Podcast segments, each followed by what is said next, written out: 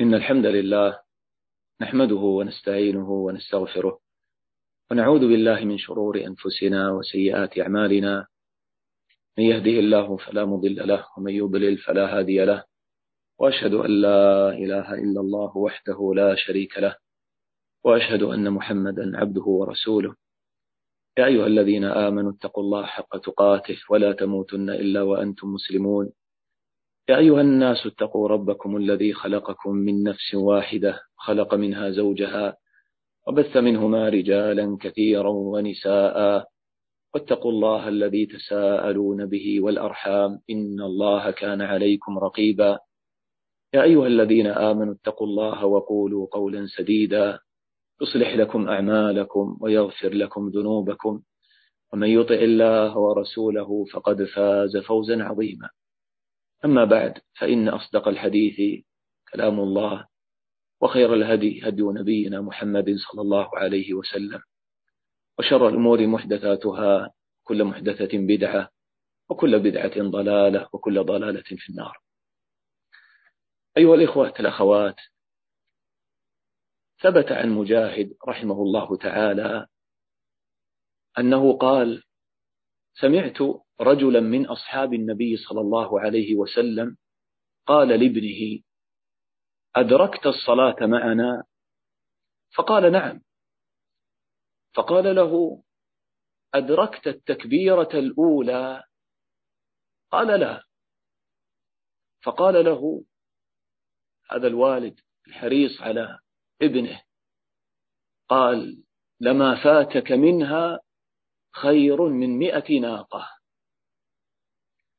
هكذا كان السلف رحمهم الله تعالى يغرسون في قلوب أولادهم تعظيم الصلاة ولا يكتفي بسؤال ابنه عن إدراك الصلاة بل يسأله عن إدراك التكبيرة الأولى. الصلاة في الحقيقة من أعظم ما يصلح الله تعالى بها الأولاد. هذا الإيمان الذي في القلوب إنما يسقى بماء العبادات. وإذا أردنا أن ينشأ الأولاد نشأة إيمانية صالحة فمهما علمناهم العقيدة ودرسناهم العقيدة. بل حتى لو دخلوا في مراكز تحفيظ القرآن الكريم إذا ما كان بينهم وبين الله صلة إذا ما تعودوا على العبادة إذا ما تعودوا على العمل بما يسمعون بما يتعلمون فربما ما يكون بهذا التعليم ثمرة كبيرة. وهذه مشكلة في الحقيقة واقعية. ونسمعها كثيرا. تسمع بعض الآباء والأمهات يشتكي من عقوق أولاده. ابني كبر وأنا ما قصرت وأنا كنت دائما أنصحه وأذكره. لكن ما ربطه بعبادة الله تعالى. انظر إلى بعض طلاب القرآن الكريم. ربما يقبل الولد منذ صغره على حفظ القرآن.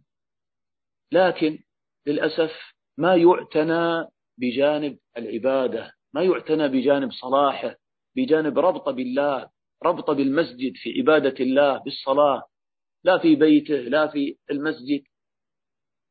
فينشأ يحفظ القرآن من باب أنه مكلف بهذا.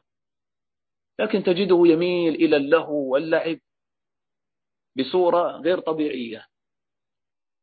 ثم ربما مع استقلال بنفسه إذا بلغ في آه، العمر وصل سن البلوغ وما يجد أحد يمكن أن يسيطر عليه يستقل بنفسه وربما يترك القرآن أو يضعف حفظه للقرآن يكون الأمر شكليا فقط.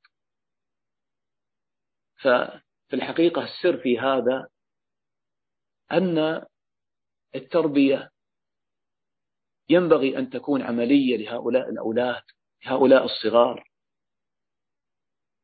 وفي الحقيقة هذا العقوق المنتشر في الحقيقة في زماننا. نسأل الله تعالى السلامة والعافية. حتى كان بعض السلف يدعو يقول أعوذ بالله من زمان تمرد الصبيان تمرد فيه الصغار. فهذا العقوق في الحقيقة غالبا لا يظهر عند الأولاد إلا بعقوق مسبق من الآباء للأولاد.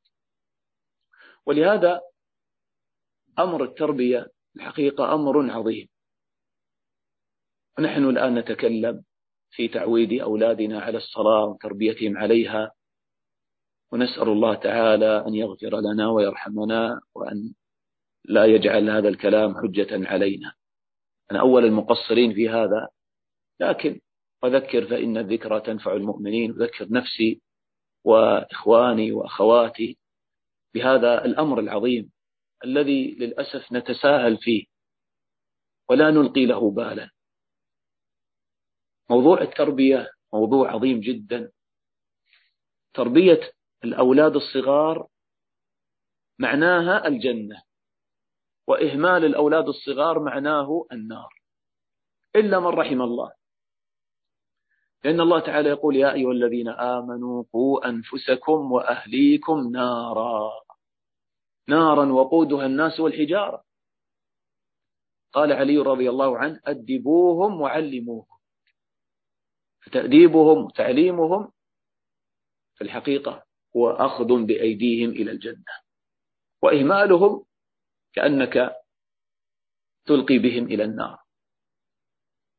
ولهذا يقول ابن القيم رحمه الله تعالى وكم ممن أشقى ولده وفلذة كبده في الدنيا والآخرة بإهماله وإعانته على شهواته ففاته انتفاعه بولده وفوت عليه حظه في الدنيا والآخرة. وإذا اعتبرت الفساد في الأولاد رأيت عامته من قبل الآباء. هذا في الغالب. نعم. إنك لا تهدي من أحببت ولكن الله يهدي من يشاء. هذا نوح عليه الصلاة والسلام ينادي ابنه يا بني اركب معنا ولا تكن مع الكافرين. قال سآوي إلى جبل يعصمني من الماء. قال لا عاصم اليوم من أمر الله إلا من رحم. وحال بينهما الموج فكان من المغرقين. فالأمر لله من قبل ومن بعد. لكن لا شك أن في الغالب المسلم إذا سلك الأسباب في صلاح الأولاد في تربيتهم منذ الصغر وتضرع لله تعالى بالدعاء فيجد النتيجة العظيمة بإذن الله. وأمر التربية تربية الأولاد في الحقيقة مسألة أكبر مما نتصور. والله هذه التربية بها صلاح الأمة. إن الله لا يغير ما بقوم حتى يغيروا ما بأنفسهم. وأول ما يبدأ التغيير بتغيير النشأ. الأولاد الصغار إذا نشأوا على الخير سيكبرون على الخير. ولهذا هذه تجربة في المغرب العربي في القرن الخامس عندما آه، انتشرت آه، أو الدولة الفاطمية في بلاد مصر وما حولها المغرب العربي شمال أفريقيا وكما تعرفون هذه دولة فيها الزندقة وفيها يعني الإلحاد وادعاء الألوهية وانتشر الشرك بالله جل وعلا في ذلك الزمان.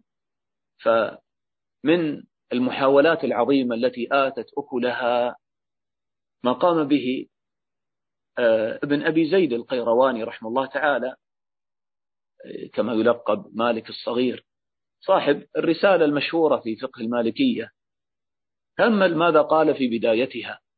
يقول وبعد أعاننا الله وإياك على رعاية ودائعه وحفظ ما أودعنا من شرائعه فإنك سألتني أن أكتب لك جملة مختصرة من واجب أمور الديانة مما تنطق به الألسنة وتعتقده القلوب وتعمله الجوارح وما يتصل بالواجب من ذلك. ولذلك الرسالة رسالة ابن أبي زيد كما معروف افتتحت برسالة في العقيدة نفيسة ثم آه، شملت كل أبواب الفقه وفي آخرها أيضا أبواب في الآداب. فهي شاملة للدين. لماذا هذا الاختصار من ابن أبي زيد لهذه الرسالة؟ قال لما رغبت, لما رغبت فيه من تعليم ذلك للولدان من تعليم ذلك للولدان كما تعلمهم حروف القرآن ليسبق إلى قلوبهم من دين الله وشرائعه ما ترجى لهم بركته وتحمد عاقبته. فأجبتك إلى ذلك بما رجوت لنفسي ولك من ثواب تعليم دين الله والدعوة إليه. فالمقصود ابتداء تعليم الولدان ويحفظون هذه الرسالة كما يحفظون حروف القرآن. قال واعلم أن خير القلوب وأوعاها للخير وأرجى القلوب للخير ما لم يسبق الشر إليه. وهذه قلوب الأطفال. قال وأولى ما عني به الناصحون. ورغب فيه أو ورغب في أجره الراغبون إيصال الخير إلى قلوب أولاد المؤمنين لكي يرسخ فيها وتنبيهم على معالم الديانة وحدود الشريعة لكي يراضوا عليها. انتهى كلامه رحمه الله تعالى. فإذا آه، موضوع التربية حقا موضوع كبير. ولذلك يعني لما نشأ مثل هؤلاء الأطفال في الكتاتيب يتعلمون القرآن يتعلمون شرائع الإسلام ويحفظونها غير الله تعالى الواقع بعد ذلك وانتشر الخير بعد ذلك وانتشرت السنة. فهذا أمر عظيم جدا. وكما عرفنا حتى لا نستطرد كثيرا نحن إذا أردنا حقا أن نغرس في قلوب أولادنا الخير ومحبة الله تعالى فمع غرس العقيدة لا يمكن أن ينمو هذا الغرس إلا بماء العبادة. وأعظم هذه العبادات الصلاة.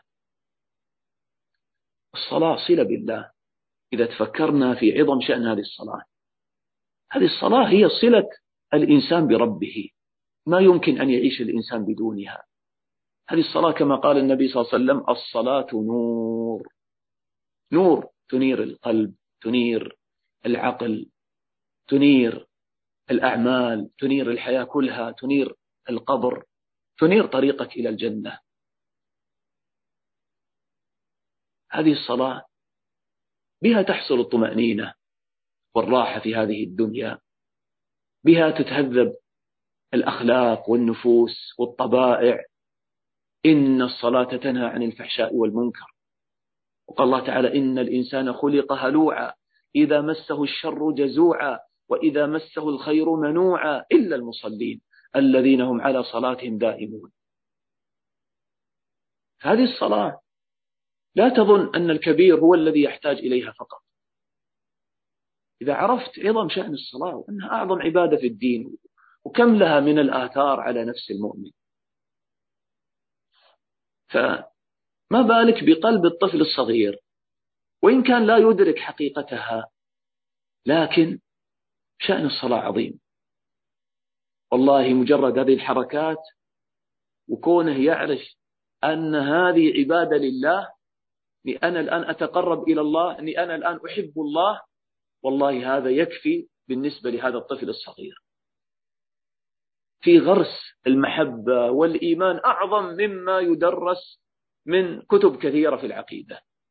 ما أهون من تدريس العقيدة لكن لا بد أن نعود أولادنا على الجانب العملي. ما نكتفي فقط بالجانب النظري. ينشأ الطفل نشأة عبادة نشأة صلاح نشأة زهد. إذا كان النفس عودت منذ الصغر على الألعاب على اللهو. وللأسف بعض الآباء يريد أن آه، يرتاح من آه، ولده الذي آه، يطالبه بأمور أو يزعجه فيعطيه الجهاز الإلكتروني وقال العب. وهكذا يمكث عليه بل يعكف عليه اليوم كله وساعات طويلة. ثم ممكن يكلمه أو يدرسه ويظن أنه بذلك يعني أدى الذي عليه. ويكون القلب خاوي مثل الصحراء القاحلة. ما فيه ماء يسقي هذا القلب حتى ينمو فيه الإيمان. فالنفس تأمل صبي ومن عمر الثالثة أو الثانية.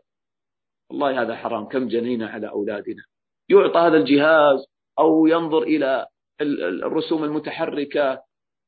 السنة الثانية الثالثة الرابعة الخامسة السابعة. خمس سنوات يكون الطفل قد تعود على اللعب واللهو في الدنيا.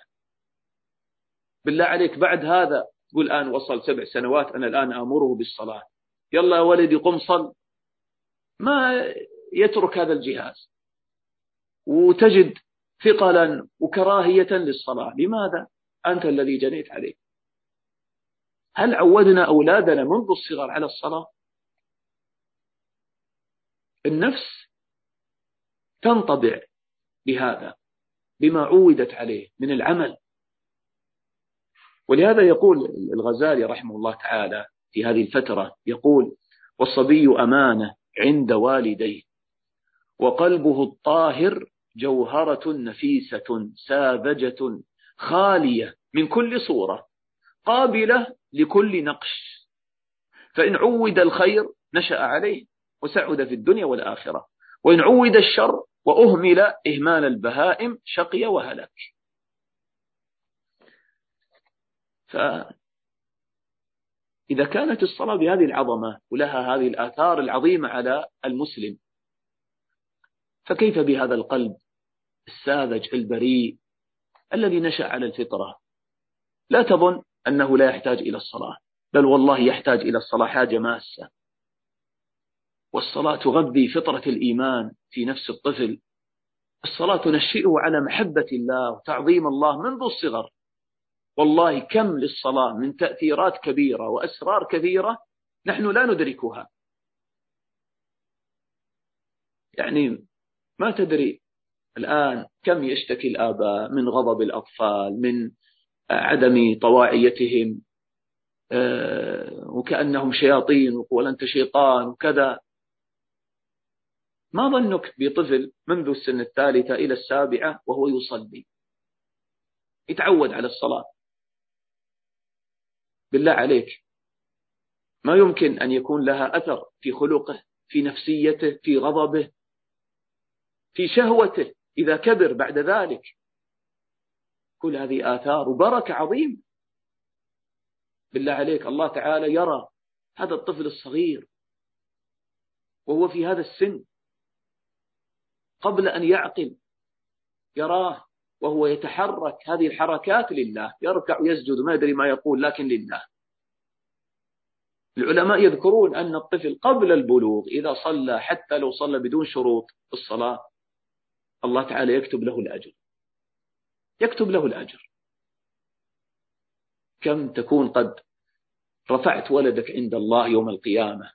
كم أعطيت من الحسنات في هذه المرحلة التي نهملها نحن في الحقيقة؟ وكم يكون لهذه الصلاة من البركات على قلب الطفل الصغير؟ ولهذا تأمل الله تعالى يقول لنبيه وأمر أهلك بالصلاة واصطبر عليها والأهل هذا يدخل فيه الزوجات والأولاد الصغار بنات النبي صلى الله عليه وسلم ومن نشأ في بيته من الصغار من أولاد أم سلمة صغار أطفال وكان النبي صلى الله عليه وسلم في ليلة سبع وعشرين وفي. لا يدع أحد لا يدع أحدا يطيق القيام إلا أقامه حتى قيام الليل. وتأمل كيف أثنى الله تعالى على إسماعيل عليه الصلاة والسلام قال وكان يأمر أهله بالصلاة والزكاة. إبراهيم عليه السلام يدعو يقول رب اجعلني مقيم الصلاة ومن ذريتي. فتحقق هذا الدعاء في إسماعيل. انظر كيف كان يأمر أهله بالصلاة والزكاة. حتى خصه الله تعالى بهذا الثناء هذا يدل على كأنه والله لم يدل على زيادة حرص منه حتى امتاز بهذا من بين الأنبياء عليهم الصلاة والسلام. وهذا لقمان عليه السلام يقول لابنه يا بني أقم الصلاة. بعد أن أسس التوحيد يا بني لا تشرك بالله إن الشرك لظلم عظيم. ثم كمال الإيمان. يا بني إنها إن تك مثقال حبة من خردل فتكن في صخرة أو في السماوات أو في الأرض. يأتي بها الله. إن الله لطيف خبير. كيف تسقى هذه العقيدة؟ غراس العقيدة. كيف يسقى؟ كيف ينمو في قلب الطفل؟ يا بني أقم الصلاة. أقم الصلاة. والطفل في الحقيقة في هذا السن قبل سن السابعة بعض الناس يظن أن الطفل لا يخاطب بالصلاة إلا إذا بلغ سن السابعة. يستدل بحديث النبي صلى الله عليه وسلم مروا أولادكم بالصلاة وهم أبناء سبع. هذا في الحقيقة فهم غير صحيح. لماذا؟ لأن هذا الحديث يتكلم عن مرحلة الأمر. قال مروا أولادكم بالصلاة وهم أبناء سبع. لأن إذا بلغ سبع سنين يعقل يفهم. فيؤمر بالصلاة. أما قبل ذلك فهي ليست مسألة أمر لأنه طفل صغير لكن هي مرحلة تحبيب مرحلة ترغيب مرحلة تعويد. وهذا الذي فهمه السلف رحمهم الله تعالى. وسبحان الله لا تظن أن أمور التربية فقط تؤخذ من كتب التربية ومن يتكلم في علم التربية. نعم جزاهم الله خيرا. لكن ما أجمل أن يربط هذا بديننا. ديننا في كل بركة وخير. ابن أبي شيبة في مصنفه آه، ذكر آثارا كثيرة عن السلف في تعويد أبنائهم على الصلاة. منذ الصغر قبل أن يبلغوا السابعة. جاء عند ابن أبي شيبة. قال كان ابن عباس رضي الله عنهما يقول أيقظ الصبي يصلي ولو سجدة. يعني ولو سجدة. يعني انظر هنا المسألة ليست أنه لابد أن يصلي الصلاة المشروعة بشروطها وأركانها وصفاتها وعدد ركعاتها لا يقول أيقظوه لصلاة الفجر يصلي ولو سجدة لو ركعة. حتى يتعود على أن هذا الوقت فيه صلاة. وأقوم من نومي للصلاة حتى لو كان عمره أربع سنوات في الروضة. والطفل في هذه المرحلة في الحقيقة يحب أن آه، يعني يفعل ما يقوم به والداه من أعمال. فرصة. قل يا ولدي أنا أقوم لصلاة الفجر في هذا الوقت. يقول أيقظني معك يا أبي أو يا أمي أيقظيني معك. ويصلي.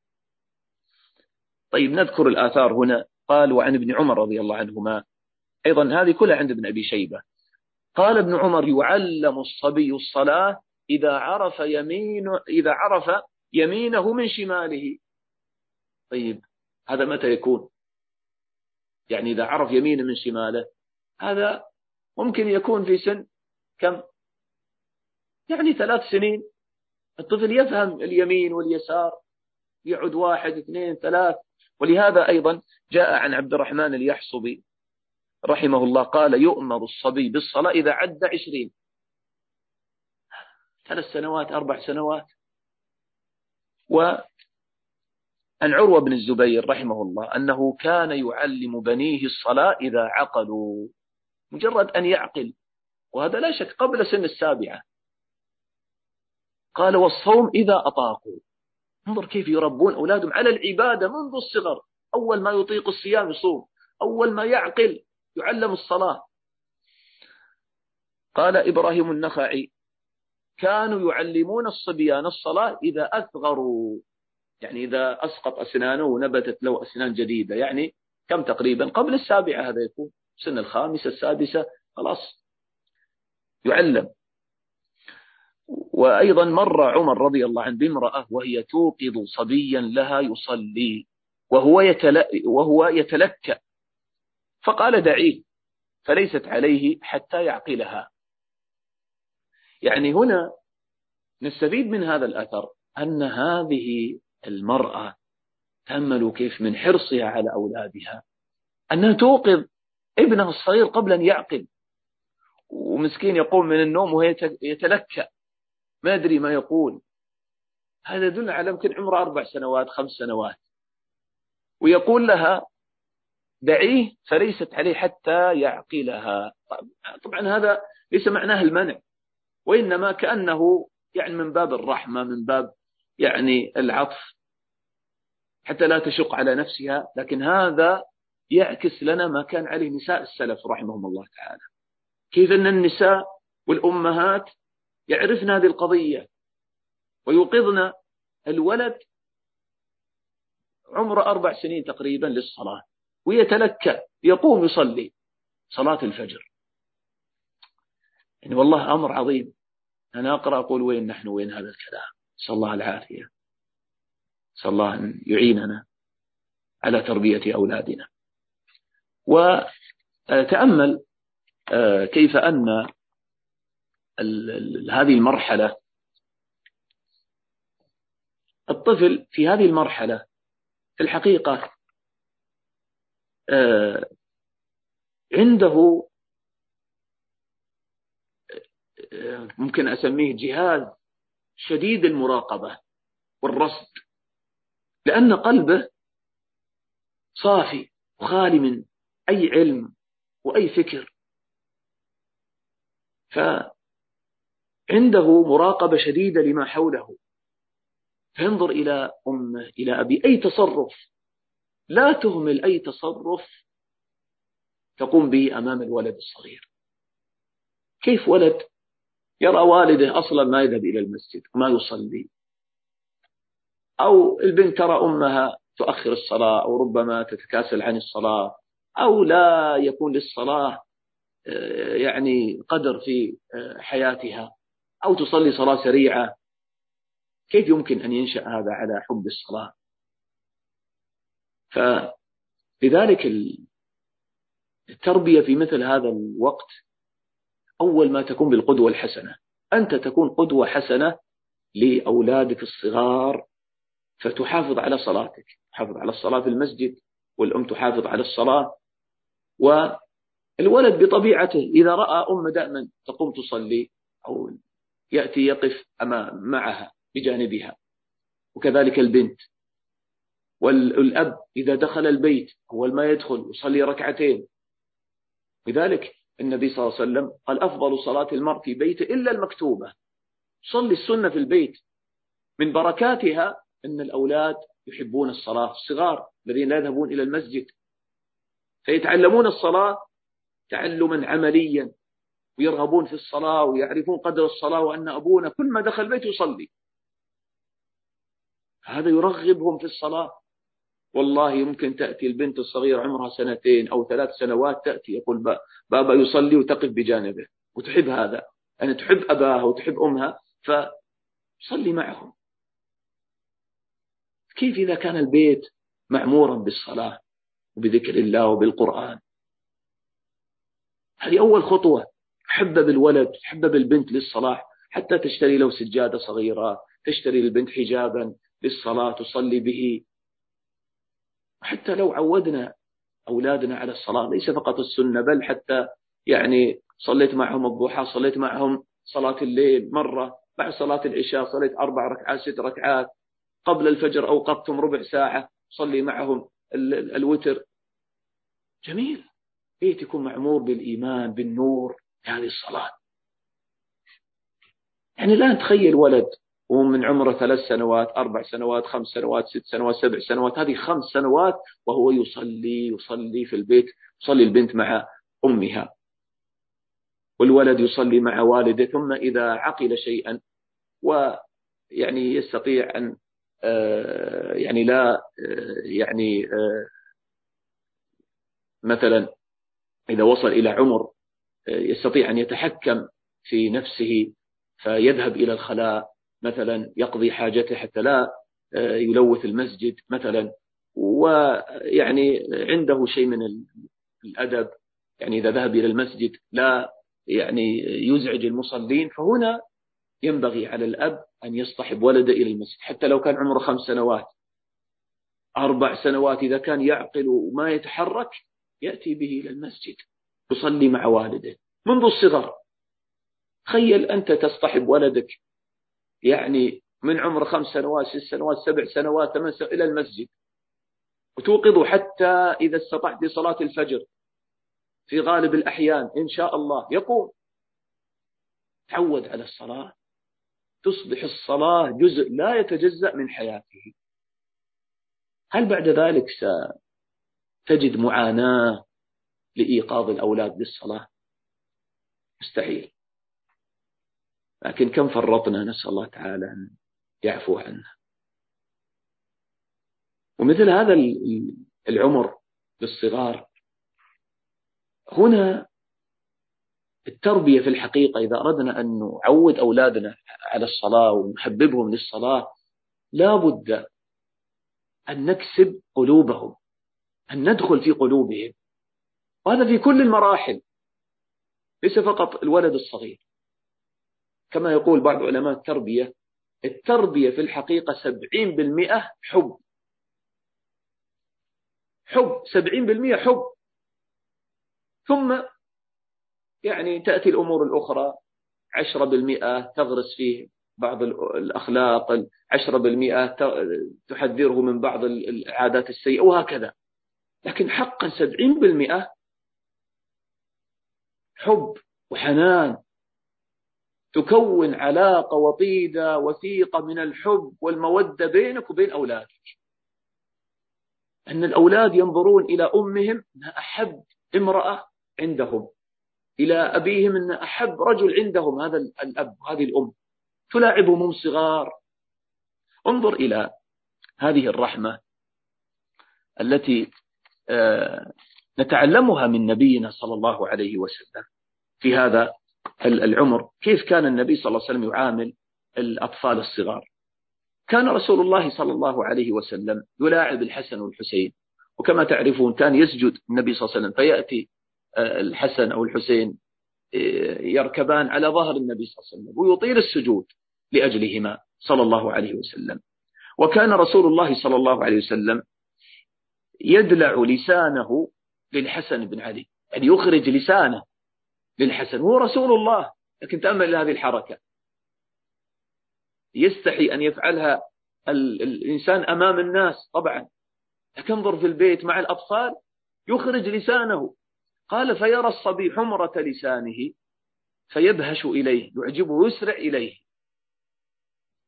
و آه، النبي صلى الله عليه وسلم تأمل في رحمته بالصبيان كان إذا مر على الصبيان يسلم عليهم. وعند مسلم حديث جابر بن سمرة رضي الله عنه أنه قال صليت مع رسول الله صلى الله عليه وسلم صلاة الأولى يعني صلاة الظهر. ثم خرج إلى أهله وخرجت معه. وجابر بن سمرة من صغار الصحابة من أطفال الصحابة قال فاستقبله ولدان أي صبيان. نحن الآن نمشي إذا شفنا صبيان يعني نمر. ممكن يعني أحسن واحد منا ممكن يقول لهم السلام عليكم يمشي. انظر إلى هذا النبي الكريم الرحيم. يقول فجعل صلى الله عليه وسلم يمسح خدي أحدهم. يمسح خدود الصبيان. واحدا واحدا. قال جابر وأما أنا فمسح خدي. فوجدت ليده بردا وريحا كأنما أخرجها من جونة عطار. صلى الله عليه وسلم. انظر إلى هذا القرب للصبي. دائما تحضنه تمسح خده تلاعبه تحمله تطير به وأنت تحمله. وهكذا تلاعب ولدك حتى يتعلق بك. إذا كونت هذه العلاقة تعلق بك الولد يعني ما يحبك فقط لأنك تعطيه جهاز يلعب به لا هذه ليست محبة حقيقية لا يحب الجهاز. لا أنت تقترب منه تحبه تلاعبه. إذا كونت هذه العلاقة سيحب الصبي ما تحب أنت. يمتثل أمرك تماما لأنه يحبك. هذه طبيعة في نفس الإنسان عموما صغارا وكبارا أنا أتعجب للآباء والأمهات الذين يضربون أولادهم في هذا العمر عمر خمس سنوات أربع سنوات يضرب ولده. لماذا؟ الولد كسر الصحن الولد ما سمع الكلام الولد ما حل الواجب الولد آه، تشاجر مع أخيه يضربه ويرفع صوته. والولد يأخذ يستقبل هذه التصرفات من الكبار وتنغرس في ذهنه في قلبه ثم يتخلق بها بعد ذلك. لا تستغرب إن كبر هذا الولد ورد عليك أو رفع صوته عليك. لماذا؟ لأنه يرى هذا منك. لكن لو رأى منك في هذه المرحلة كل حنان كل حب كونت هذا الجسر بينك وبين ولدك والله هذا من أعظم ما آه، تدخل به من خلاله. يعني هذا الباب الأعظم في الحقيقة. لأن تعودهم على الصلاة وعلى كل خير. فإذا هذه مرحلة عظيمة جدا. يعني إلى سن السابعة للأسف كثير من الناس يظن هذه مرحلة يعني مرحلة لعب وله عطل ولد ما يشاء يلبس ما يشاء يفعل ما يشاء يلعب بما يشاء خليه يرتاح خليه يلعب. ولا يتعلم شيئا ولا تحرص على تغذية قلبه وإيمانه أبدا. ثم بعد ذلك تحاول وتحاول. انظر إلى أطفال الصحابة رضي الله عنهم. هذا الطفل الصغير عبد الله بن عباس رضي الله عنهما يقول بت عند خالتي ميمونة. هو الطلب من خالته ميمونة زوجة النبي صلى الله عليه وسلم أن يبيت ليلة عندها عندما يكون النبي صلى الله عليه وسلم في ليلتها. ف آه، حتى ينظر إلى النبي صلى الله عليه وسلم كيف يقوم الليل؟ ماذا يفعل في ليله؟ كيف يصلي؟ يقول بت في بيت خالتي ميمونة رضي الله عنها زوج النبي صلى الله عليه وسلم وكان النبي صلى الله عليه وسلم عندها في ليلتها. قام النبي صلى الله عليه وسلم. ابن عباس يراقبه وحتى في القصة أنه وضع له يعني الوضوء ابن عباس هو الذي تشرف وضع وضوء النبي صلى الله عليه وسلم فأثنى عليه. خرج النبي صلى الله عليه وسلم نظر إلى السماء تلا هذه الآيات إن في خلق السماوات والأرض. رجع وتوضأ واستاك وتوضأ وصلى ثم اضطجع ثم قام وخرج وهكذا وابن عباس يراقبه. قام ابن عباس صلى مع النبي صلى الله عليه وسلم قيام الليل وطفل صغير. قام عن يساره فأخذه النبي صلى الله عليه وسلم فحوله إلى جهة اليمين. يعني حتى يحرص على تعليم الأولاد أحكام الصلاة. أنه لا يقف إلى جهة اليمين ليس على جهة اليسار. مع أنه طفل صغير قد يقول قائل منا الآن كل واحد يعني إيش يعني وقف على يساره ولا على يمينه. لكن انظر إلى النبي الكريم صلى الله عليه وسلم. آه هذه قصة لطيفة ذكرها ابن ظفر المكي في كتاب أنباء نجباء الأبناء. أنباء نجباء الأبناء. يقول بلغني أن أبا يزيد طيفور بن عيسى البسطامي رحمه الله لما حفظ يا أيها المزمل هذا طفل صغير حفظ سورة المزمل فقال يا أبتي من الذي يقول الله تعالى له هذا؟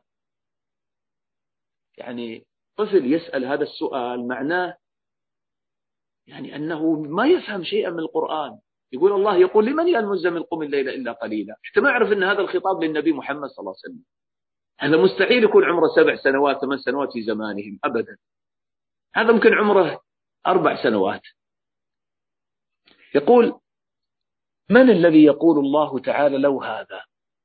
قال يا بني ذلك النبي محمد صلى الله عليه وسلم. فقال له يا أبتي ما لك لا تصنع كما يصنع محمد صلى الله عليه وسلم. فقال يا بني هذا الوالد يبحث له عن مخرج أحرجه ولده الصغير يقول ليش ما تقوم الليل؟ فقال له يا بني إن قيام الليل خصص به صلى الله عليه وسلم وبافتراضه دون أمته. يقول هذا واجب على النبي صلى الله عليه وسلم.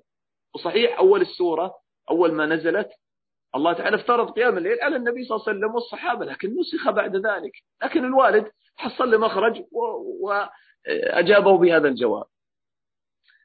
لكن أين سيذهب من هذا الولد؟ قال فسكت الولد مسكين ما يدري. فلما وصل خاتمة سورة المزمل وحفظ قول الله تعالى إن ربك يعلم أنك تقوم أدنى من ثلثي الليل ونصفه وثلثه وطائفة من الذين معك. فكر الولد قال يا أبتي إني أسمع أن طائفة كانوا يقومون الليل. فمن هذه الطائفة؟ قال يا بني أولئك الصحابة رضوان الله عليهم أجمعين. قال يا أبتي فأي خير في ترك ما عمل ما عمله النبي صلى الله عليه وسلم وأصحابه؟ فقال صدقت يا بني فكان أبوه بعد ذلك يقوم من الليل ويصلي. يعني حافظ على قيام الليل بسبب ولده الصغير. يقول فاستيقظ أبو يزيد ليلة. فإذا أبوه يصلي فقال يا أبتي علمني كيف أتطهر وأصلي معك قيام الليل. فقال أبوه يا بني أرقد فإنك صغير بعد. قال يا أبتي إذا كان يوم يصدر الناس أشتاتا ليروا أعمالهم أقول لربي إني قلت لأبي كيف أتطهر لأصلي معك؟ فأبى وقال لي أرقد فإنك صغير بعد. أتحب هذا؟ فقال له أبوه لا والله يا بني ما أحب هذا. وعلمه فكان يصلي معه قيام الليل. طفل صغير. وتأمل آه، كيف يعني الطفل لما يرى العبادة من والديه كيف تؤثر في نفسه؟ هذا سهل بن عبد الله التستري رحمه الله تعالى مشهور بالزهد والعبادة وهو من أئمة السنة وله تفسير لكتاب الله قال كنت وأنا ابن ثلاث سنين أقوم بالليل فأنظر إلى صلاة خالي محمد بن سوار. شوف كيف ولد عمره ثلاث سنين بالله عليكم ثلاث سنين. فسبحان الله ينتبه من الليل فيرى خاله يصلي. شوف كيف بركة صلاة الليل قيام الليل حتى على الأطفال. أثرت في نفس هذه الصلاة. ف وهذا الخال الصالح أيضا لما رأى هذا الولد يقوم ويجلس ويراقب خاله يصلي. فقال لي يوما يعني قال الخال لسهل قال له ألا تذكر الله الذي خلقك؟ فقال له هذا الطفل الصغير عمره ثلاث سنوات كيف أذكره؟ قال له قل بقلبك. غير قال قل بقلبك الله معي الله ناظري الله شاهدي. يعني يعلم ولد كلمات في مراقبة الله تعالى وذكره. فقلت ذلك ليالي. وهكذا قال له أولا في البداية قلها ثلاث مرات ثم قال له قلها سبع مرات. طبعا ليس هذا على سبيل التعبد. يعني هذا من باب التعويد. ف آه، لأن الأعداد كما تعرفون في الأذكار هذه توقيفية لا شك. لكن هذا والله أعلم كأنه قصد بهذا يعني أن يعود ولده على شيء حتى يلتزم به. ف آه، وهكذا يقول الطفل الصغير قال فوقع في قلبي حلاوته. شوف كيف عمره ثلاث سنوات. ونحن نستهين بهؤلاء الصغار. وليس ثلاث سنوات إيش يفهم؟ ما يفهم شيء. سبحان الله. فوقع في قلبي حلاوته فلما كان بعد سنة قال لي خالي احفظ ما علمتك ودم عليه إلى أن تدخل القبر فإنه ينفعك في الدنيا والآخرة. قال فلم أزل على ذلك سنين. فوجدت لذلك حلاوة في سري. ثم قال لي خالي يوما يا سهل من كان الله معه وناظرا إليه وشاهده أيعصيه؟ إياك والمعصية. فكنت أخلو بنفسي فبعثوا بي إلى المكتب. ف آه، و يعني أحب الخلوة وهو طفل صغير. سبحان الله شوف كيف نشأ العبادة. بسبب هذه الكلمات اليسيرة. ثم ذهب به إلى الكتاب قال فتعلمت القرآن وحفظته وأنا ابن ست سنين أو سبع سنين. ثم قال وكنت أصوم الدهر وقوتي من خبز الشعير اثنتي عشرة سنة. يعني طبعا صيام الدهر بدون صيام أيام العيد. يعني شيء عجيب من هؤلاء رحمهم الله تعالى. فما ظنك الآن بولد نشأ هذه النشأة؟ حقا يعني أنا أقولها بأسى حقا كم قصرنا؟ نسأل الله يعفو عنا. والإنسان ما ييأس يتدارك.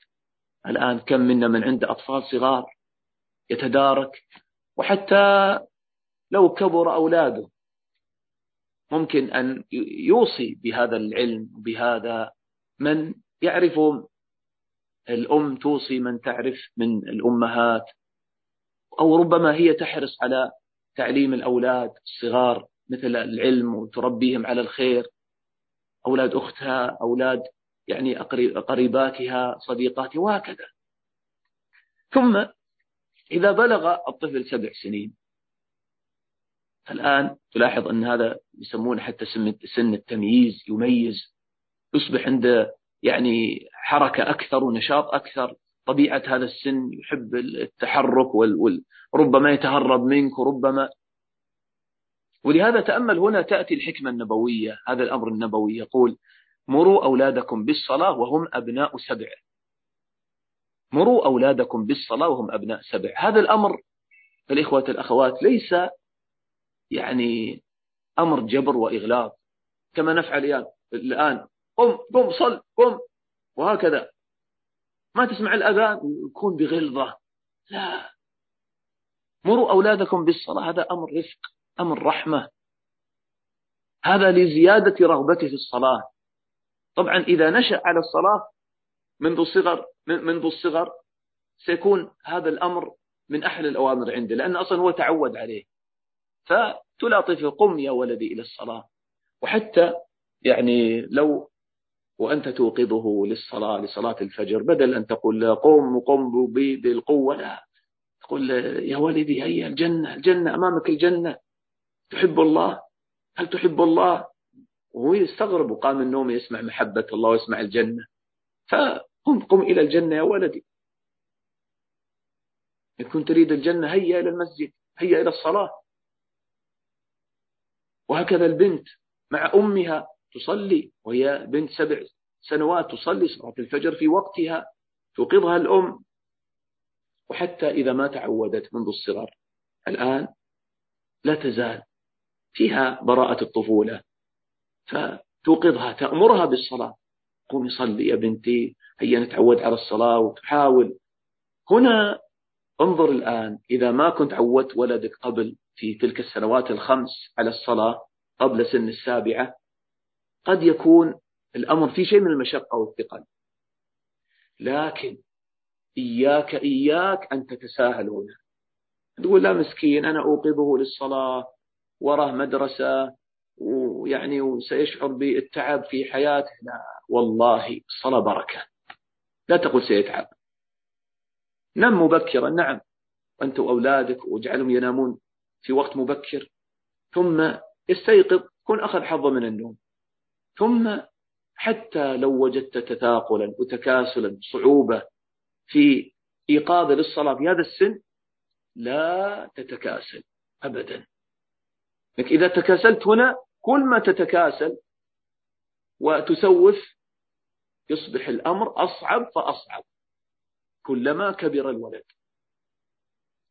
فهنا لا بد أن آه، يعلم الولد يؤمر بالصلاة وهنا تأمل كيف النبي صلى الله عليه وسلم كان يعلم الأطفال أطفال الصحابة رضي الله عنهم يعني الصلاة. يكفي النبي صلى الله عليه وسلم قال صلوا كما رأيتموني أصلي.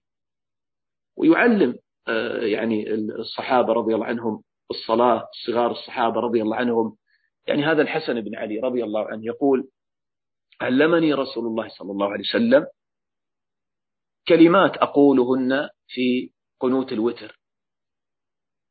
يتأمل في الصلاة يعلمه دعاء الوتر دعاء القنوت.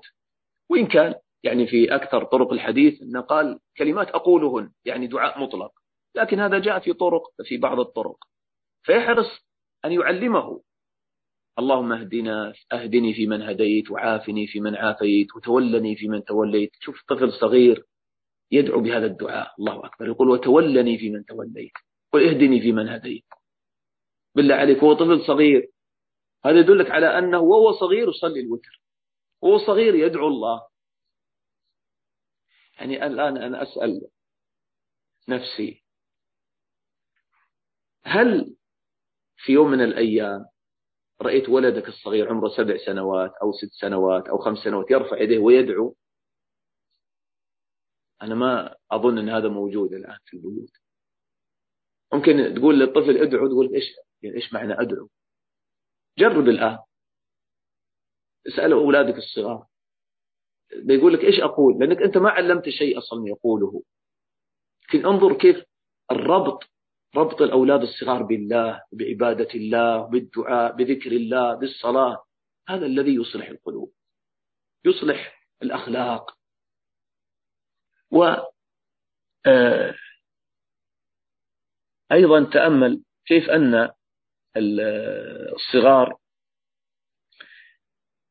يتعلمون صفة الوضوء. الحسين بن علي رضي الله عنهما يقول دعاني أبي علي بوضوء فقربته له فبدأ فغسل كفيه ثلاث مرات وذكر صفة وضوء النبي صلى الله عليه وسلم. ف يعني لما يرى هذا الطفل الصغير والده يتوضأ أو يعني يقول نافع آه، مولى ابن عمر يقول رأيت صفية بنت أبي عبيد وأنها زوجة ابن عمر وأنا غلام فإذا أرادت أن تمسح رأسها سلخت الخمار. شوف يتعلم أحكام شرعية أن المرأة تمسح رأسها كيف تمسح رأسها. وهذا سعد بن أبي وقاص رضي الله عنه كان يعلم بنيه هؤلاء الكلمات كما يعلم المعلم الغلمان الكتابة ويقول كان رسول الله صلى الله عليه وسلم يتعوذ بهن دبر كل صلاة. يعني بعد السلام انظر كيف يعلمهم أذكار ما بعد الصلاة ما بعد السلام. يعني يفهم من هذا أن الصلاة أمر مفروض.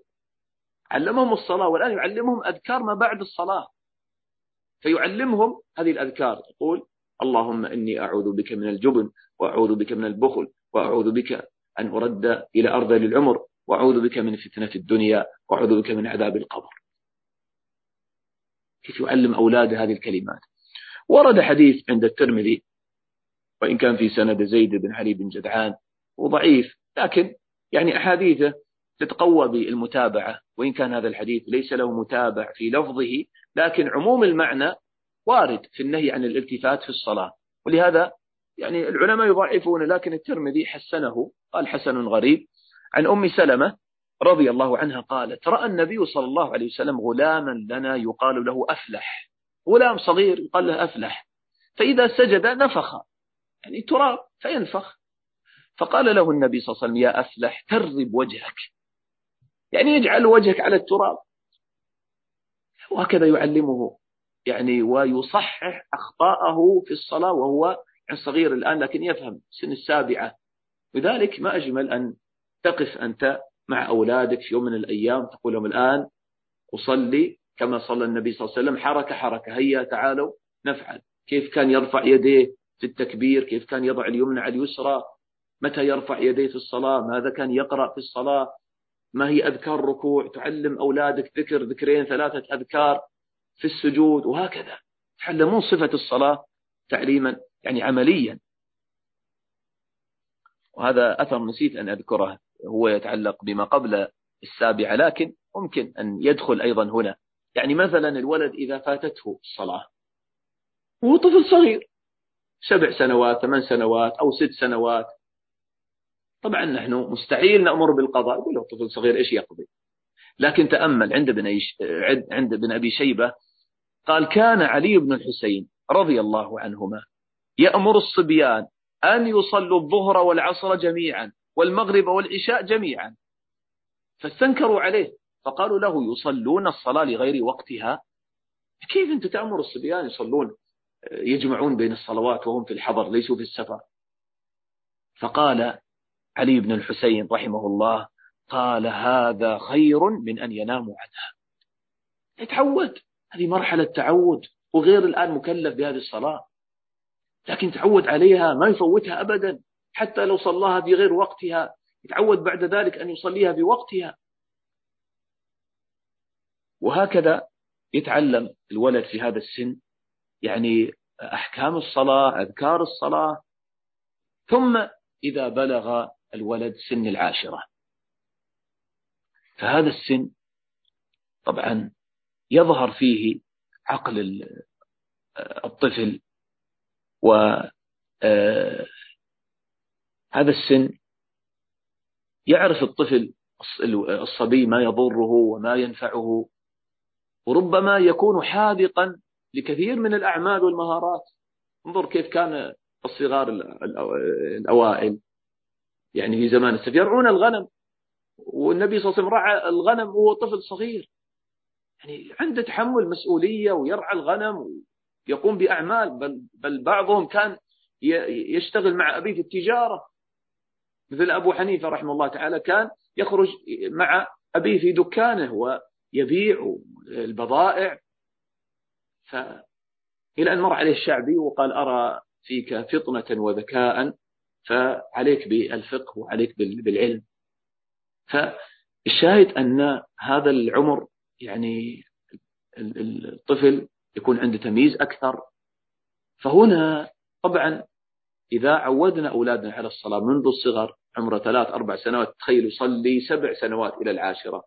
مستحيل أن يتباطأ ويتكاسل عن الصلاة. لكن نحن جنينا على أولادنا وعلى أنفسنا في الحقيقة. نأتي الآن سن العاشرة يلا يا فلان قم صل.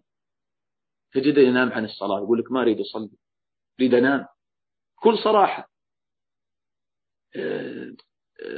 قل أما تسمع الأذان؟ كيف تلعب والأذان؟ طيب أنت أعطيت هذا الجهاز وهو صغير. يلعب على يعتكف على هذا الجهاز سنوات طويلة خمس سنوات أربع سنوات ومعتكف عليه.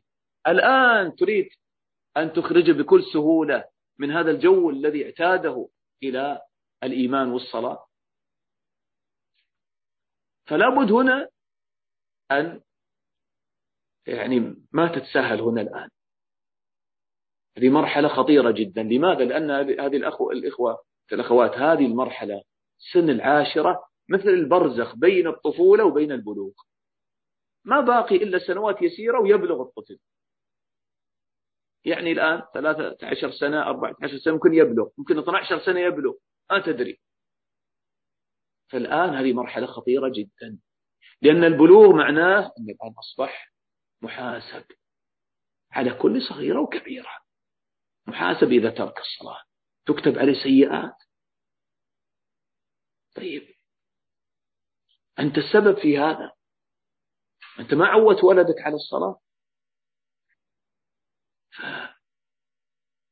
هنا إذا ما كان تعود على الصلاة أو حتى كان يصلي لكن آه يصلي ويترك يصلي ويترك الآن لا بد أن توقظ فطرته.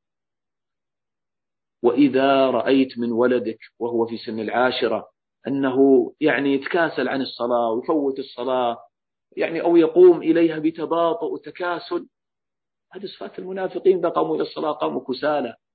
علينا ما نستهين بمثل هذا.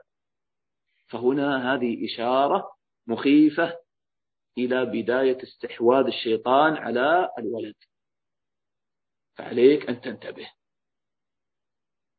هنا لابد من علاج عاجل. ولذلك تأمل هذا النبي الرحيم اللطيف الكريم قال واضربوهم عليها وهم أبناء عشر. واضربوهم عليها. يعني إذا ما كان يحب الصلاة ويحافظ عليه اضربوهم عليها. لماذا؟ حتى تنقذه من الشيطان. هذه رحمة. هذا الضرب. هو لابد أن نفهم حقيقة هذا الضرب. هذا الضرب ليس آه، بعنف وبقوة. هذا الضرب ضرب غير مبرح لا يخدش جلدا ولا يكسر عظما ولا يجعل في الجلد علامة أبدا. هذا ضرب تأديب لا تعذيب. ضرب فيه الرفق. ضرب يشعره بأن الأمر جد بأنك غضبت عليه. فينتبه. فهنا لا بد أن تعود ولدك على الصلاة. تعود ولدك على الصلاة فالأمر في غاية الخطورة. وهنا كلام للشيخ ولي الله الدهلوي في حجة الله البالغة يقول يعلق على حديث مروا أولادكم بالصلاة هم أبناء سبع واضربوهم عليها وهم أبناء عشر. يقول بلوغ الصبي على وجهين بلوغ صلاحية السقم والصحة النفسانيتين ويتحقق بالعقل فقط. وأمارة ظهور العقل سبع. فابن سبع ينتقل فيها لا محالة من حالة إلى حالة انتقالا ظاهرا. وأمارة تمام العقل العشر. فابن العشر عند سلامة المزاج يكون عاقلا يعرف نفعه من ضرره ويحدق في التجارة وما يشبهها وبلوغه في صلاحية الجهاد والحدود والمؤاخذة عليه. وأن يصير من الرجال الذين يعانون أن يقاسون المكايد وقال آه، ويعد حالهم في السياسات المدنية والملية ويجبرون قسرا على الصراط المستقيم ويعتمد على تمام العقل وتمام الجثة وذلك بخمس عشرة, بخمس عشرة سنة في الأكثر. يعني صلاحية للجهاد وأمور الدين هذه لما يبلغ. من علامات هذا البلوغ الاحتلام وإنبات العانة قال والصلاة لها اعتباران. فاعتبار كونها وسيلة فيما بينه وبين مولاه منقذة عن التردي في أسفل السافلين أمر بها عند البلوغ الأول. شوف حتى تخرجه هذه الصلاة من حب الدنيا واللعب واللهو أن يكون في أسفل سافلين. ثم قال وباعتبار كونها من شعائر الإسلام يؤاخذون بها ويجبرون عليها أشاءوا أم أبوا؟ حكمها حكم سائر الأمور. ولما كان سن العشر برزخا بين الحدين جامعا بين الجهتين جعل له نصيبا منهما. فهنا لابد حتى لو تكرهه على الصلاة. لا تقول والله ما يصلي والله أوقظ بنتي وتعاند وما تصلي إيش أفعل معها؟ خلاص. لا هنا لابد أن توقظ عمره عشر سنوات 11 سنة 12 سنة ما تقوم من فراش حتى يقوم أبدا حتى لو رششت عليه الماء حتى لو رفع صوته. هنا إياك إياك أن تسلم للشيطان. إذا تركت معنى هذا أنه خلاص تقول حتى إذا بلغ سيستمر على ترك الصلاة. طيب تعال الآن عند البلوغ. تقول يا ولدي أنت بالغ يا ولدي أنت محاسب الله يكتب عليك السيئات. سامحك الله. أنت الآن أكثر من عشر سنوات ماضية ما ما اجتهدت معه في الصلاة. الآن تريد أن يتحمل هذه المسؤولية؟ صحيح في النهاية هو بالغ ويعقل لكن لا شك أن كل هذه السنوات الأولى لها أثر كبير عليه. فهنا الله الله في الأولاد قبل أن يبلغ الله الله في الأولاد والبنات. ما تقوم الأم من فراش ابنتها إلا وهي قد قامت تصلي. حتى لو تأخرت عن أذكارها عن وردها لابد أن توقظها ولابد أن تكره ولدك على الصلاة في المسجد صلاة الفجر باقي الصلوات. ما يتركها أبدا. حتى لو حملت ولدك حملا إلى دورة المياه. تحمله حملا حتى يتوضأ. ربما يصرخ ربما نعم. هنا لابد أن تكرهه عليها. لأنك إذا ما أكرهت على الصلاة الآن ماذا سيفعل؟ سيستمر على ترك الصلاة والتهاون فيها ثم ماذا ستفعل به إذا بلغ؟ خلاص أصبح رجلا. مع ذلك ما ينفع معه ضرب. ضربوهم عليهم أبناء عشر. أما إذا كبر بعد ذلك ما ينفع معه الضرب. تضرب رجلا مثلك. بالعكس ضرب الكبير هذا يحولك من مربي إلى جلاد. حتى لو صلى أمامك يصلي فقط خوفا منك بدون رغبة في الصلاة. إذا كنت بعيدا عنه أو هو ابتعد عنك ربما يتهاون في الصلاة. إذا ماذا استفدت؟ وإذا ابتلي الإنسان يقول أنا طيب الآن يا شيخ أنا أسمع هذا الكلام وأنا فرطت وأنا أولادي كبار وبالفعل ما يسمعون الكلام وما يصل ماذا أفعل؟ أدعو الله قبل كل شيء لكن النصيحة في هذا والله أعلم لابد أن تكون علاقة أخوية بينك وبين ولدك الكبير. تكون مثل أخوه. ما تكون الجلاد والأب الذي يأمر وينهى لا انتهى الدور. هذا لما كان يعني صغير ويقلدك ويسمع أوامرك يحبك لكن الآن أنت أهملته هذه السنوات. ما يمكن الآن تتجبر عليه وتأمره وافعل ولا تفعل وهو في هذا السن سن البلوغ يشعر بماذا؟ لأن له استقلالية. تجد البالغ يحب أن ينعزل كثيرا يحب أن يعني يشعر بأن له آه، شيء من الأمر. لذلك تجد في هذا السن كثيرا ما يعاند. الولد البالغ تأمر بكذا يقول لك لا أنا أفعل كذا. يا بني تعال تغدى يقول لا ما أبا كذا. إيه، تعال افطر يقول لا أنا أريد كذا. يعني ربما تشعر بكثرة المخالفات. هذا طبيعي لا تنزعج من هذا. كن أخا له. الأم تكون كالأخت الحنون الكبيرة لهذه البنت أو لهذا الولد حتى. أما الصراخ والضرب والشتم وأنت أنت أنت يعني ما فيك خير أنت يعني تريد الله يغضب عليك أنت كذا. هذا الكلام أبدا. وتظن هذا في تخويف أبدا. هذا يكرهه أصلا في الصلاة وفي الدين. ثم هذا يزيل ستر الحياء بينك وبين ولدك. إذا تجرأت على الولد وضربت في مثل هذا السن وعاملت بالقسوة والشدة فهنا الولد خلاص ما ما يكون بينه وبين والده شيء من الحياء. لذلك كم نسمع من القصص إن كم والعياذ بالله نسمع من العقوق الشنيع إن الولد يتجرأ ويضرب أمه ويضرب أباه يمد يده على والدته وعلى على أبيه والعياذ بالله. فهنا عليك أن تكون حكيما لطيفا وتكسب قلبه مرة أخرى. وكما يقولون تخاويه يعني يكون مثل الأخ وتشعره بأنك قريب منه. تجلس معه تسأل عن حاله عن مشاكله عن همومه عن رغباته. ماذا يريد؟ تلبي له ما يريد من رغبات إذا كانت في حدود المباح. تخرج معه في نزهة تشعره بأنك يعني هو لك ويعني ويحب أن يخرج معك يحب أن يجلس معك.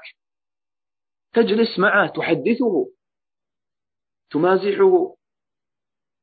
فهنا الولد ممكن يعني إذا سمع قصص قصص الأنبياء قصص الصحابة رضي الله عنهم سيرة النبي صلى الله عليه وسلم يحبون مثل هذه القصص. فيتعلق قلبك يتعلق قلبه بك. وثم بعد ذلك يستحي منك. إذا أمرت بالصلاة نعم يطيع بإذن الله وهكذا شيئا فشيئا. ما أجمل أيضا أن نستخدم مع أولادنا في كل المراحل صغارا كبارا أسلوب القصص في ترغيبهم في الصلاة.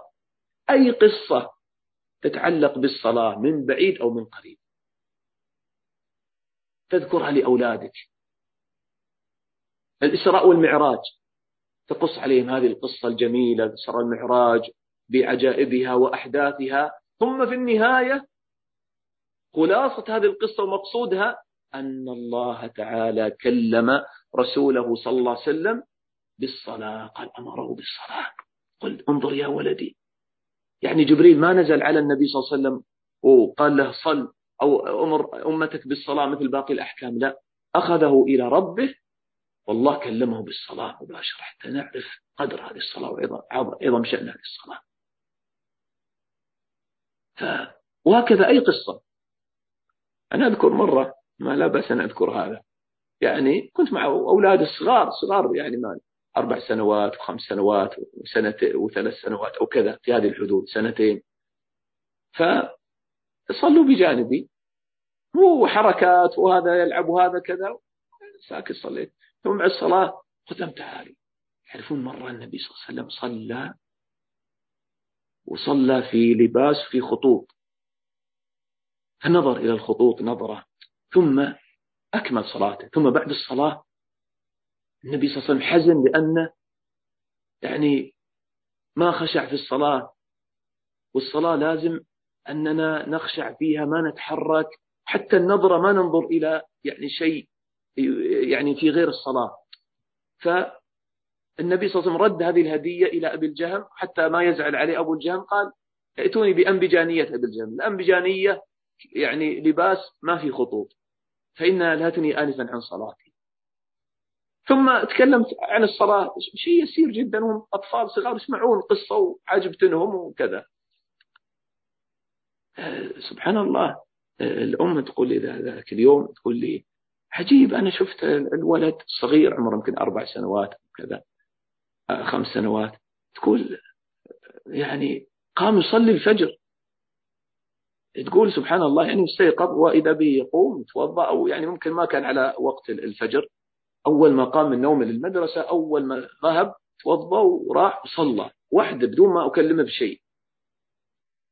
وصلى الصلوات الخمس في اليوم كله. بس ذاك اليوم بعدين ما صلى يعني وبعدين ما. المهم فتقول ما إيش اللي حصل؟ سبحان الله تذكرت إن اليوم اللي قبله جلسة والله ما أخذت خمسة دقائق. لكن سبحان الله ما تدري كيف يتأثر الولد. وهكذا. وسبحان الله إنك لا تدري من أحببت ولكن الله يهدي من يشاء. مهما قلنا وتكلمنا وأطلنا في النهايه القلوب بين أصبعين من أصابع الرحمن يقلبها كيف يشاء. لكن لا شك أن علينا أن نبذل ما نستطيع من أسباب في صلاح أولادنا. احرص على ما ينفعك واستعن بالله. فنسأل الله تعالى أن يصلح أولادنا وأولاد المسلمين أجمعين. نسأل الله تعالى أن يغفر لنا ويرحمنا. نسأل الله تعالى أن يعفو عنا. نسأل الله تعالى أن يصلح ذرياتنا. ربنا هب لنا من أزواجنا وذرياتنا قرة أعين واجعلنا للمتقين إماما.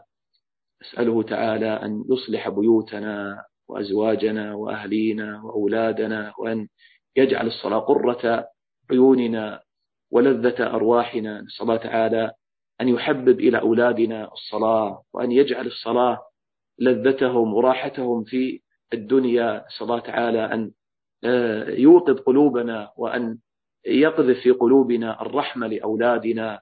وحسن التربية والمعاملة. نسأل الله تعالى أن يرزقنا الحكمة ومن يؤتى الحكمة فقد أوتي خيرا كثيرا.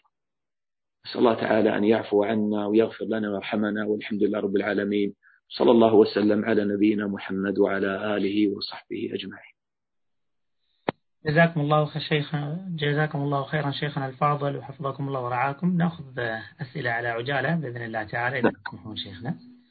آه، السؤال الأول أنا ابني آه، عمره 13 سنة وبنتي 11 يعني كاتب بأسلوب آه، مش عارفة كيف أقدر أحببهم للصلاة.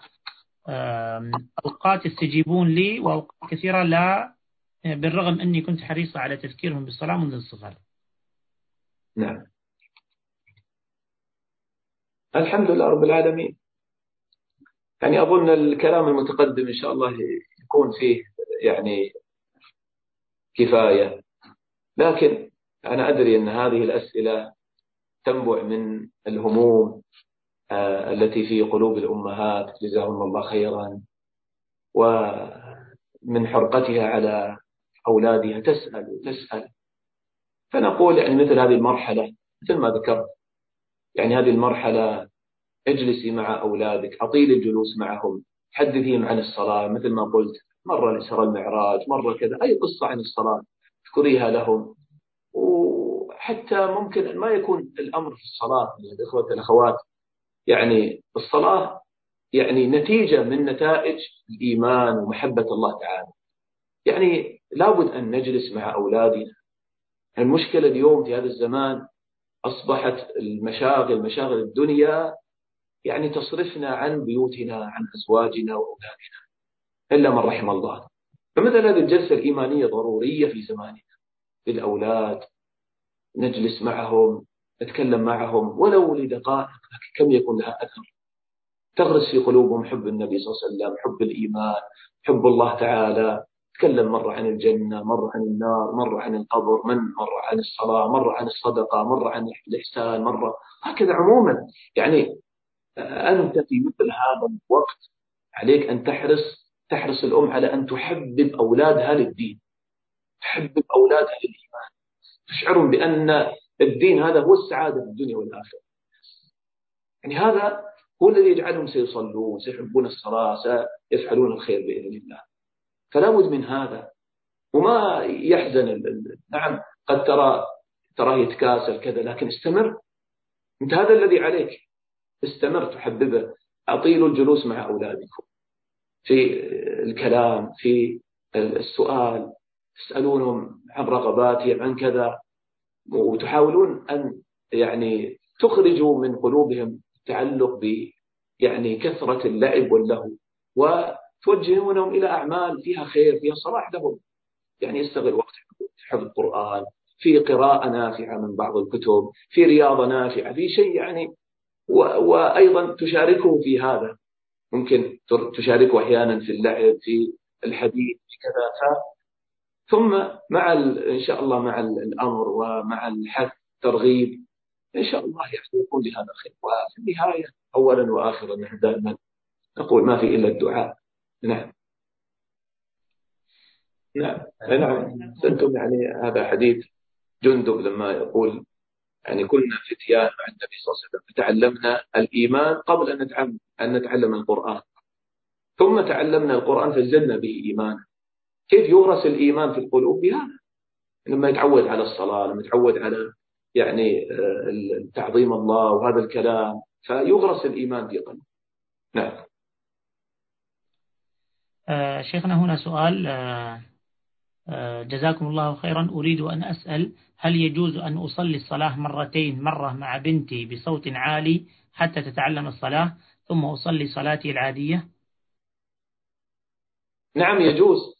لكن تنوين بالصلاة الأولى مثلا أنها صلاة نافلة. مثلا تصلين صلاة نافلة وهي تصلي معك مثلا. ثم إذا أردت أنت أن تطيلي في الصلاة مثلا تخشعين فيها مثلا فتصلين بنية الفريضة طبعا. ف وأيضا لا بأس ممكن أن تطيل أحيانا الأم مع ابنتها ممكن تتعود البنت تشوف أمها تطيل في الصلاة أيضا تأخذ هذا منها أيضا هذا جميل. فتارة هكذا وتارة هكذا لكن هذا جائز.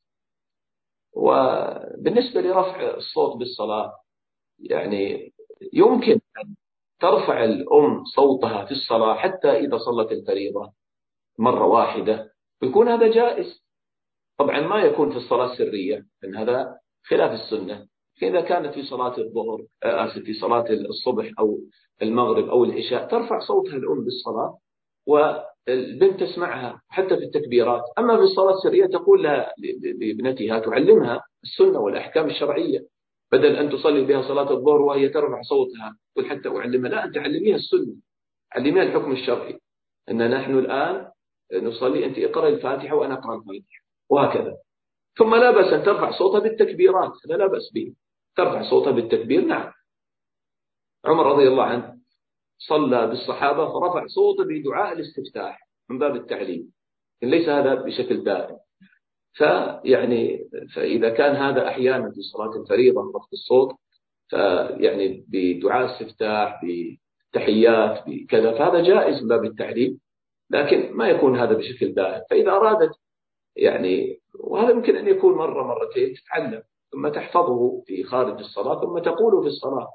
نعم. لكن إذا فعلت الأم مثل هذا يعني كما يعني قلت هذا جائز. لكن تنوي تصلي النافلة ثم تصلي الفريضة.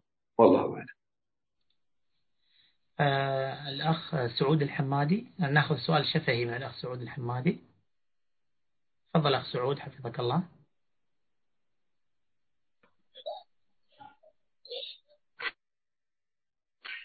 السلام عليكم ورحمة الله. وعليكم السلام ورحمة الله وبركاته. جزاك الله شيخ يا الجنة إن شاء الله على المحاضرة طيبة الله يحفظكم. عندي سؤال ما عليك أمر تعرف الحين رمضان اللي فات والله أعلم اللي جاي كيف يكون صلاة التراويح أقصد. أنا عندي أبناء أعمارهم على عشر سنين وعش و11 سنة. نعم. يعني من الثمانية إلى 11 سنة. هل يجوز أني أصلي فيهم التراويح؟ وإذا كان جايز هل هم تعرف الأبناء يريدون يعني يتعلمون الصلاة باشتياق يعني فأحدهم مثلا يريد يكون إمام فينا. هل يجوز أصلي وراهم؟ الله يجزاك الجنة إن شاء الله. آه، نعم. جزاك الله خير. بالعكس هذه طريقة نافعة وطيبة في تعويدهم على الصلاة. ف حتى أنا أقول لو الحمد لله من الله علينا رمضان القادم هذا قريب سنبلغنا رمضان بيننا في على أحسن الصيام والقيام فحتى لو الحمد لله يعني صلينا في المساجد وبإذن الله يسر هذا. لو صلينا صلاة التراويح في المساجد تصطحب أولادك معك إلى المسجد. ثم إذا يعني مثلا ما تيسر الصلاة في المسجد أو ما كانت هناك صلاة في المسجد لا قدر الله مثلا وصليت في البيت فتصلي بأولادك يعني التراويح في المسجد. في, في آسف في البيت. صلي معهم في البيت تأمهم وكذلك أيضا هذا أمر جميل أن يعني تعودهم على الإمامة هم يصلون. فهذا جائز. آه، يعني آه، هذا نسيت اسم الصحابي كان على ذهني وراح عمر بن عمر بن بن سلمة الذي كان عمره سبع سنين كان أكثر يعني قومه أخذا للقرآن. فكان يؤمهم يؤم قومه وهو ابن سبع سنين والناس يصلون وراءه. فمثل هؤلاء أبناء عشر وإحدى عشر فيصلون يكونون يعني أئمة في البيت يصلون. يصلي الواحد منهم إماما ثم أخوه يصلي أيضا إماما يصلي وراءهم حتى لو الأم والأب والأخوات يصلون وراءهم. هذا طيب يعطيهم دافع لي أن يعني يحبون الصلاة ويصلون. فهذا أمر طيب. الله يوفقنا وإياكم للخير. شيخنا هنا سؤال أيضا. ما حكم قضاء, قضاء صلاة الفجر جهرا سواء للنساء أو, أو للرجال؟ هذا الأصل صلاة الفجر جهرية والقضاء له حكم الأداء. فإذا قضاها المسلم يقضيها يعني جهرا. سواء كان رجل أو امرأة. طبعا المرأة لا ترفع صوتها صوتا بشكل يعني مبالغ فيه وإنما تسمع نفسها فتجهر بالصلاة لأنها من الصلوات الجهرية. وأيضا الرجل إذا قضاها يعني يصلي جهرا. الله أعلم. شيخنا هنا أيضا نأخذ سؤال شفهي. الأخ حسن موسى. أخ حسن موسى.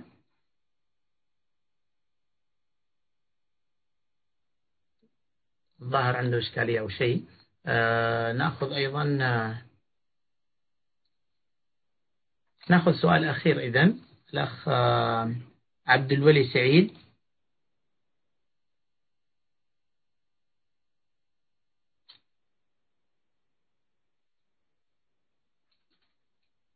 طيب هنا سؤال شيخنا تكرر نأخذ سؤال مكتوب آه السؤال الأخير كيف أحبب أطفالي إلى الصلاة وهم ينظرون إلى أبيهم وهو لا يصلي؟ الأب لا يصلي. فما نصيحتكم شيخنا؟ نعم.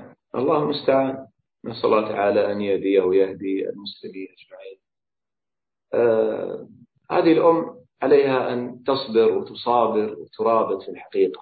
إذا كان الأب لا يصلي فطبعا هي تنصح زوجها وتشعره بأنه مسؤول عن أولاده وعلى الأقل لو يعني يحافظ على الصلاة لأجل أولاده حتى ما يرغبون عنها. لكن إذا ابتليت بمثل هذا الزوج الذي لا يصلي آه، أو كان يصلي أحيانا قليلة في البيت ولا يحافظ على صلاته فإذا ابتليت به فهنا عليها أن تقوم بواجب عظيم أن يعني تحرص غاية الحرص على أولادها. إذا كانوا صغارا تجمعهم وتصلي بهم. تجعلهم يصلون يعني بجانبها. الأولاد الذكور والإناث. ويعني وتكون حريصة معهم على الصلاة منذ الصغر. وكما قلنا ترغبهم تحببهم في الصلاة تقص عليهم قصصا في عظم شأن الصلاة. طبعا الولد طبيعي ممكن يسأل ماما لماذا أبي ما يصلي؟ فيعني هنا الله المستعان. تقول الله تعالى يهديه ولعل سيصلي إن شاء الله. أنتم إذا رآكم تصلون أنتم إن شاء الله يكون فيكم الخير. يشجع ويصلي مثلكم. وكذا يعني أي يعني جواب ما تنزل من قدر كثيرا أو كذا ولكن يعني تحاول أن يعني تؤلف وتجمع يعني بين القلوب. وهكذا تحرص على أولادها. حتى لو كبر الولد حتى لو ذهبت به إلى المسجد. والله الله تعالى سيشكر لها صبرها وجهادها. يعني هكذا كان كنا أمهات السلف رحمه الله تعالى. أم الإمام مالك رحمه الله كانت تلبس ولدها لباس العلماء توقظه قبل صلاة الفجر وتلبسه وتجهزه تقول اذهب إلى ربيعة ربيعة الرأي. وتعلم من أدبه قبل علمه. أم سفيان الثوري كانت يعني تغزل له وتقول آه، أطلب العلم وأنا أكفيك بمغزلي. وأنا أذكر الشيخ بن باز رحمه الله تعالى يعني آه، مات يعني أبوه وهو صغير فأمه هي التي تكفلت به بتربيته. فأمه كانت تذهب به إلى المسجد وهو صغير. في ذلك الزمان مع عدم الكهرباء مع الظلام يذكرون في سيرة الشيخ أن أمة اعتنت به منذ الصغر وعمرة يعني صغير جدا تأخذه إلى المسجد تنتظره عند باب المسجد. امرأة تخرج إلى المسجد مع الرجال لكن ولدها في المسجد. وأيضا كانت يعني آه، توصيه بحلق العلم. حتى يعني كان الشيخ يستغرب أحيانا ما يكون أحد في الحلقة إلا هذا الطفل ابن باز فيسأل يقول أنت ابن من كذا من أتى بك يقول أمي عند الباب تنتظر. وهكذا سبحان الله شوف كيف ربط ربط الولد بالمسجد. جعله يحب الصلاة ويحب المسجد ويطيل المكث في المسجد حتى صار إماما من أئمة المسلمين. ما تدري كيف بركة الصلاة؟ كيف بركة يعني هذه التربية؟ فيعني تقريبا يعني أم الشيخ بن باز رحمه الله تعالى توفيت لما كان عمر الشيخ 25 سنة. يعني لكن تأمل كيف تركت يعني هذا العالم الجليل. يعني وأن أصيب بالعمى يعني منذ صغره يعني تقريبا 13 سنة أو كذا قبل كان أعمى. لكن انظر كيف هذه التربية. يعني منذ الصغر على الصلاة وحلق العلم طيلة هذه السنوات ثم الشيخ استمر في طلب العلم. انظر أصبح إمام من أئمة المسلمين. حقا يعني الأم لها دورها العظيم جدا في تربية الأولاد. هنا قامت الأم قيام الأب والأم. فنسأل الله تعالى أن يعني يحفظ أولادنا ويصلح أولادنا وأولاد المسلمين. نعم. نعم أحسنت. إحنا ممكن ما يعني أطلنا في هذا لكن ربط الولد بالمسجد يعني هذا أمر مهم جدا جدا. مثل ما عرفنا في أول الكلمة لما ذكرت أثر مجاهد. قال صليت معنا أدركت تكبيرة الإحرام. وجاء وروي عن أبي الدرداء كان يقول لابنه اجعل بيتك المسجد. يعني هكذا كانوا يصون أولادهم يربون أولادهم على الصلة بالمسجد. فالولد إذا تعود أن يأتي إلى المسجد للصلاة لها فوائد كثيرة. إما يعني يصلي مع الرجال يشعر ب يعني مكانة في نفسه وأنه أهل المسؤولية وأنه رجل مثل الرجال. سيتعلم عادات كثيرة طيبة من السلام من الكلام يعني وحتى أيضا يعود على خطبة الجمعة. إذا كان من الأولاد الذين لا يتكلمون من الهادئين يأتي به والده إلى خطبة الجمعة. هذا مهم جدا. وهو صغير عمره أربع سنوات خمس سنوات. إذا كان ما يتحرك يأتي به للجمعة. لأنه يسمع. الولد لا تظن ما يفهم يفهم يسمع حديثه ولو سمع حديثه أو آية ما تدري كيف تؤثر في قلبه.